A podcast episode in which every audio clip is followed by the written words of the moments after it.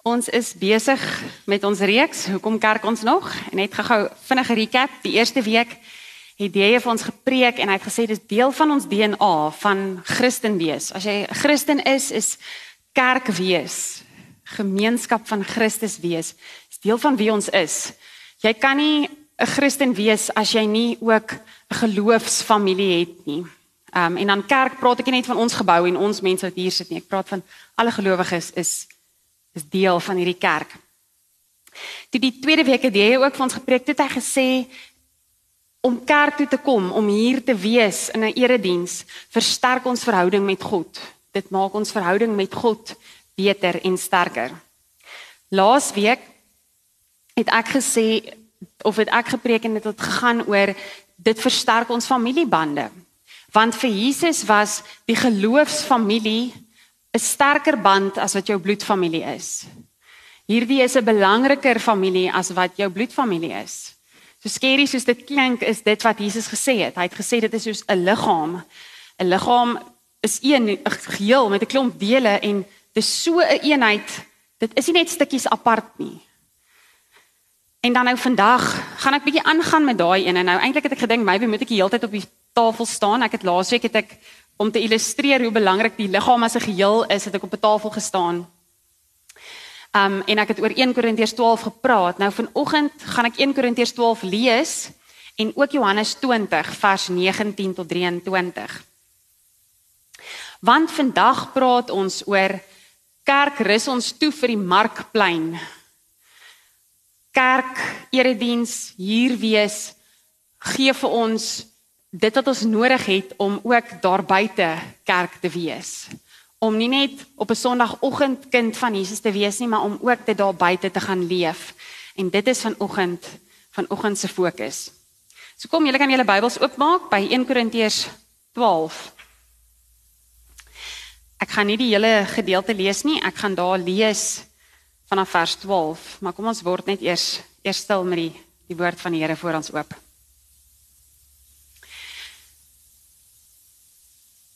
Here, dit is altyd vir my 'n voorreg om om te kan lees uit u woord uit. Dit is ons almal 'n voorreg om 'n Bybel in ons eie taal te hê en om te kan hoor wat u sê. Maar Here, om te hoor wat u sê met ons luister. So ons kom luister nou. Here, u ken die behoeftes van elke hart wat hier sit vanoggend en praat met elkeen se hart. Praat Here want ons luister. Amen. Die eerste gedeelte van 1 Korintiërs 12 is die gedeelte waar al die genadegawes wat hulle praat oor al die verskillende genadegawes. Maar dan kom ons nou kom ons lees vers 11. Een en dieselfde Gees bewerkstellig al hierdie dinge wat hy aan elkeen afsonderlik uitdeel volgens sy wil. Want soos die liggaam 'n een eenheid is, maar uit baie ledemate bestaan en al die ledemate van die liggaam alhoewel hulle baie is, een liggaam vorm. So is dit ook met Christus. En ons is tog almal deur een gees en in een liggaam gedoop. Jode of Grieke, slawe of vrymense en ons is almal met een gees deurdrink. Inderdaad, die liggaam bestaan nie uit een ledemaat nie, maar uit baie. As die voet sou sê, omdat ek nie 'n hand is nie, behoort ek nie aan die liggaam nie. Behoort hy daarom dan nie aan die liggaam nie?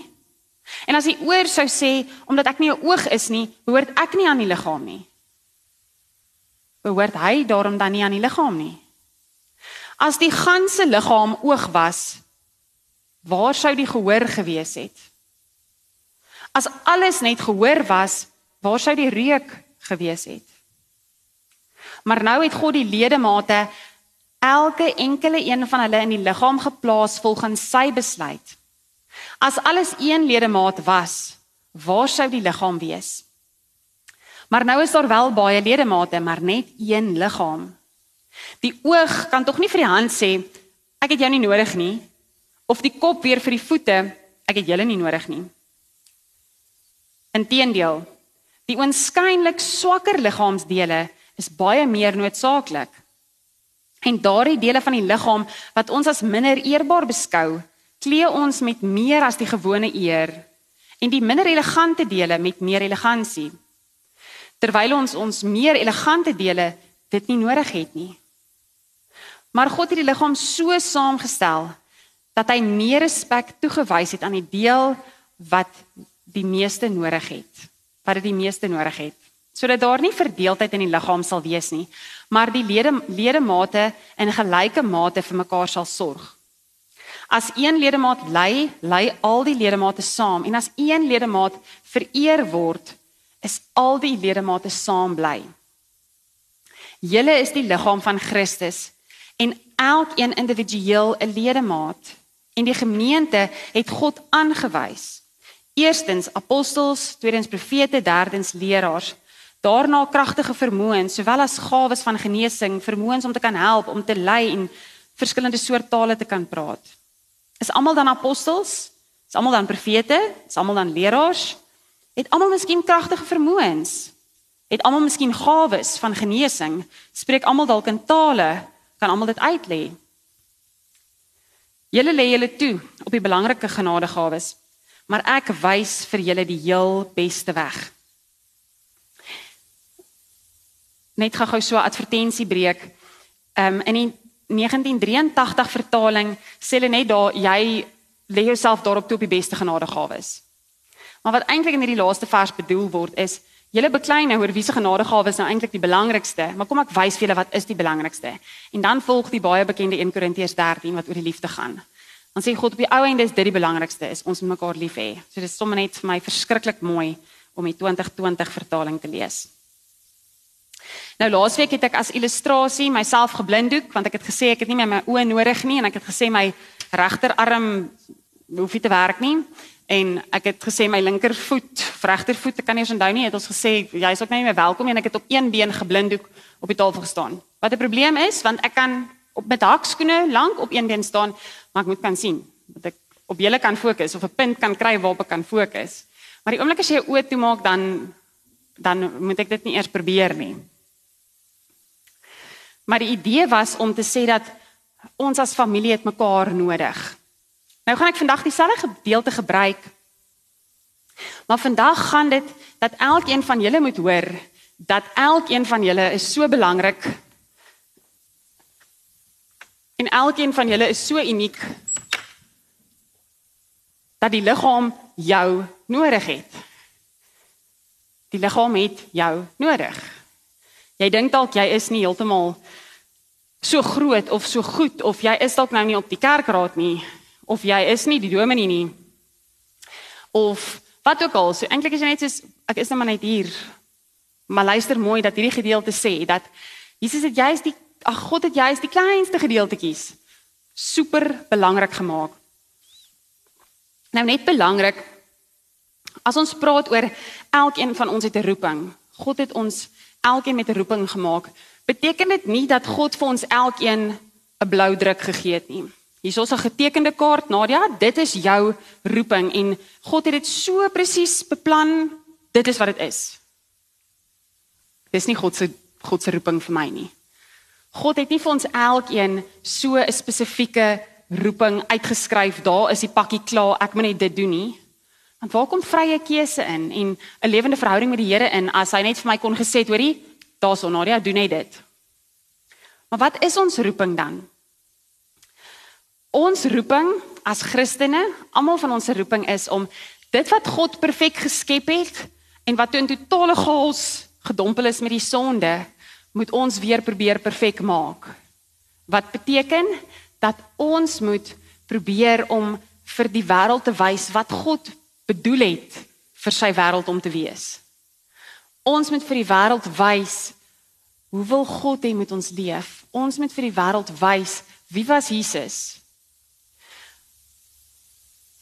Ons moet die wêreld weer mooi maak. En al hoe ons dit kan doen is met daai die tweede ene, 'n goeie verhouding met die Here en 'n goeie verhouding met ons naaste wat in liefde moet uitspoel. Nou daar is 'n verskriklike mooi latynse woord en jy het vir my gesê ek moet dit vir julle wys. Ipso facto. Toe hy van die woord sê, toe begin ek kliphard uitbars van die lag, want ek het gesê soos wat is ipso facto? Kan ons net weet wat beteken dit?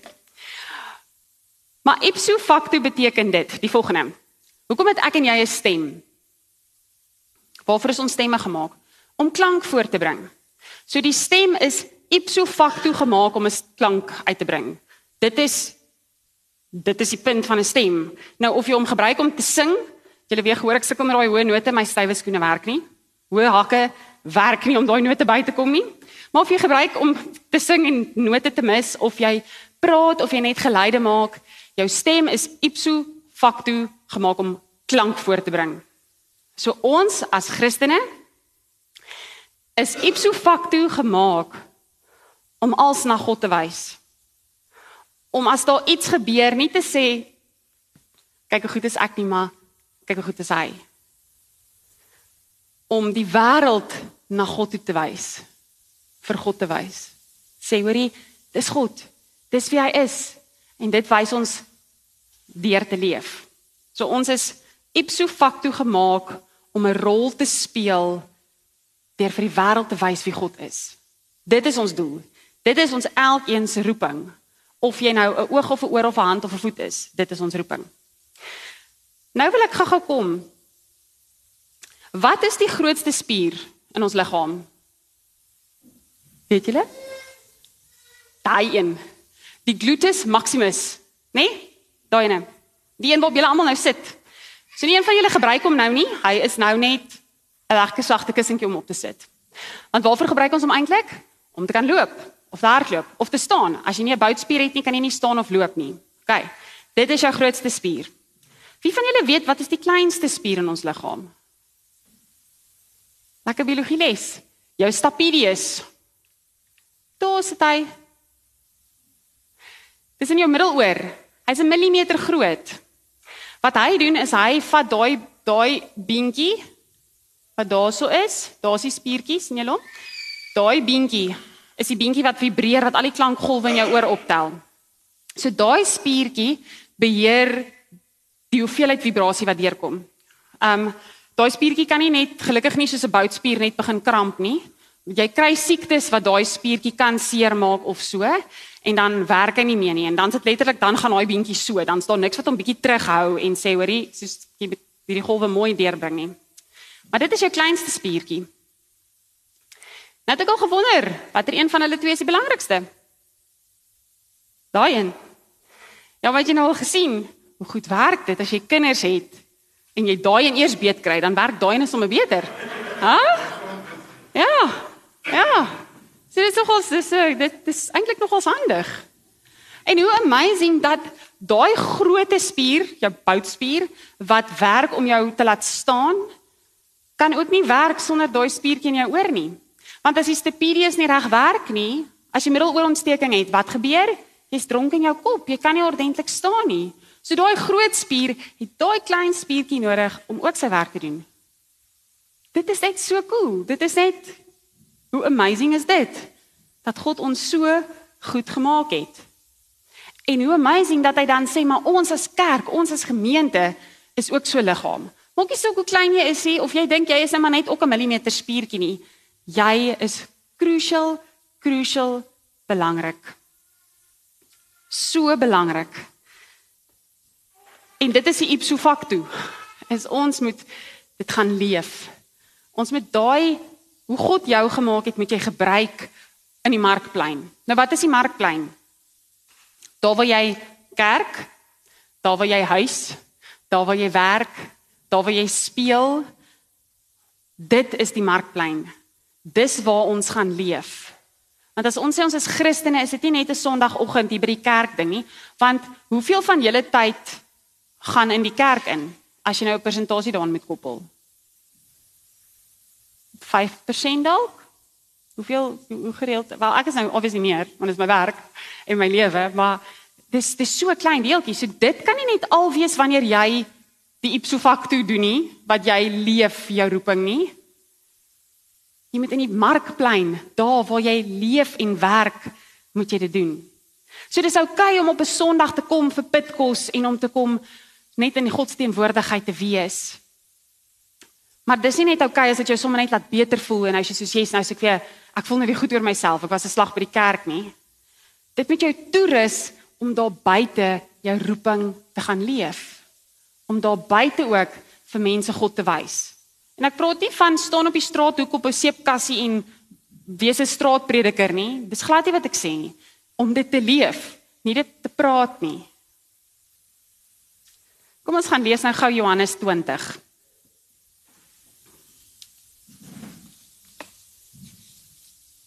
Johannes 20 vers 19 tot 23.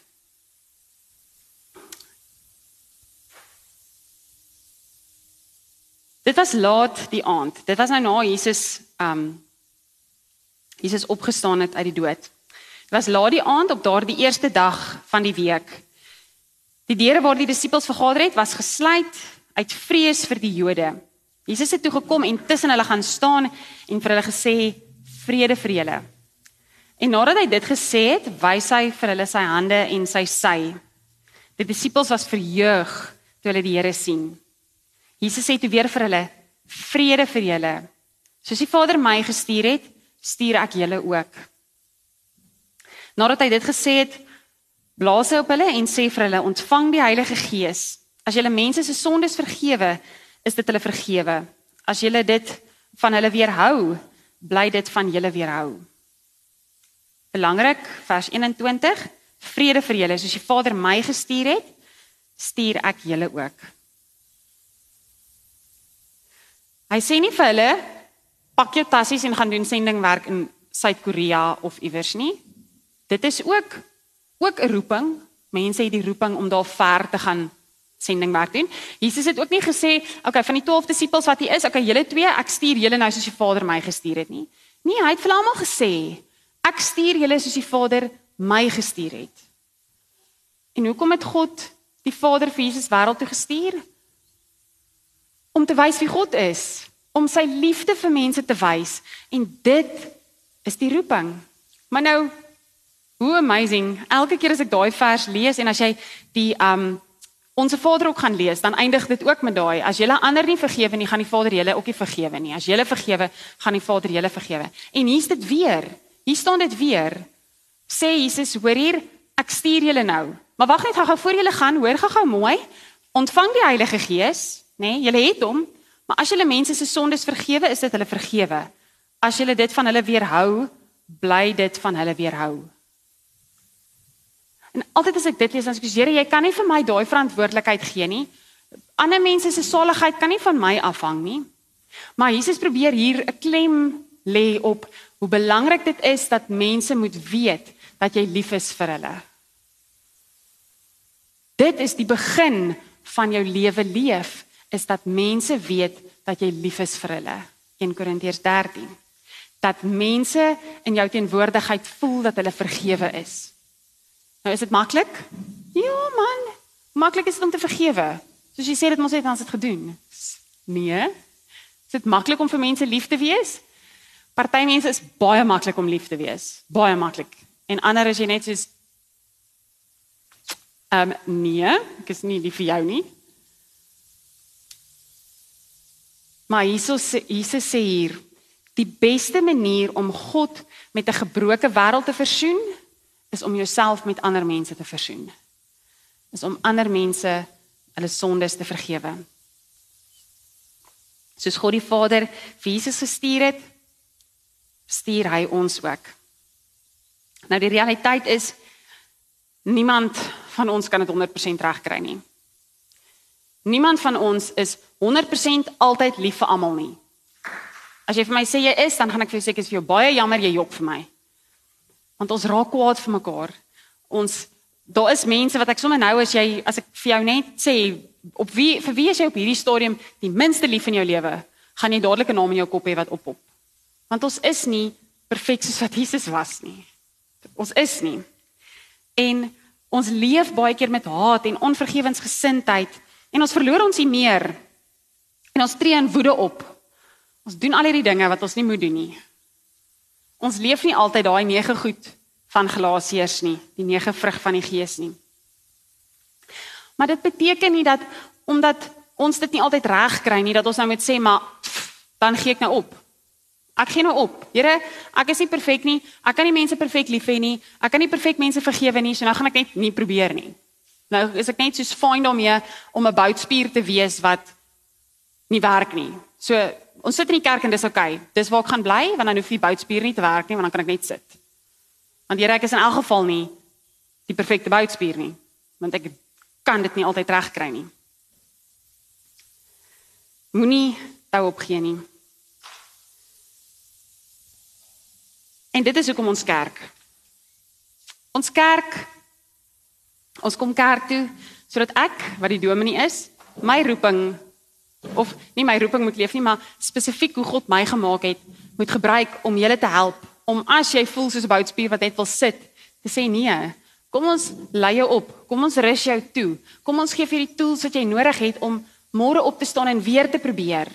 Weer te probeer beter vergewe, weer te probeer mense meer lief hê. As jy vandag jou meer verloor het, probeer om dit môre dalk nie heeltemal so erg te doen nie.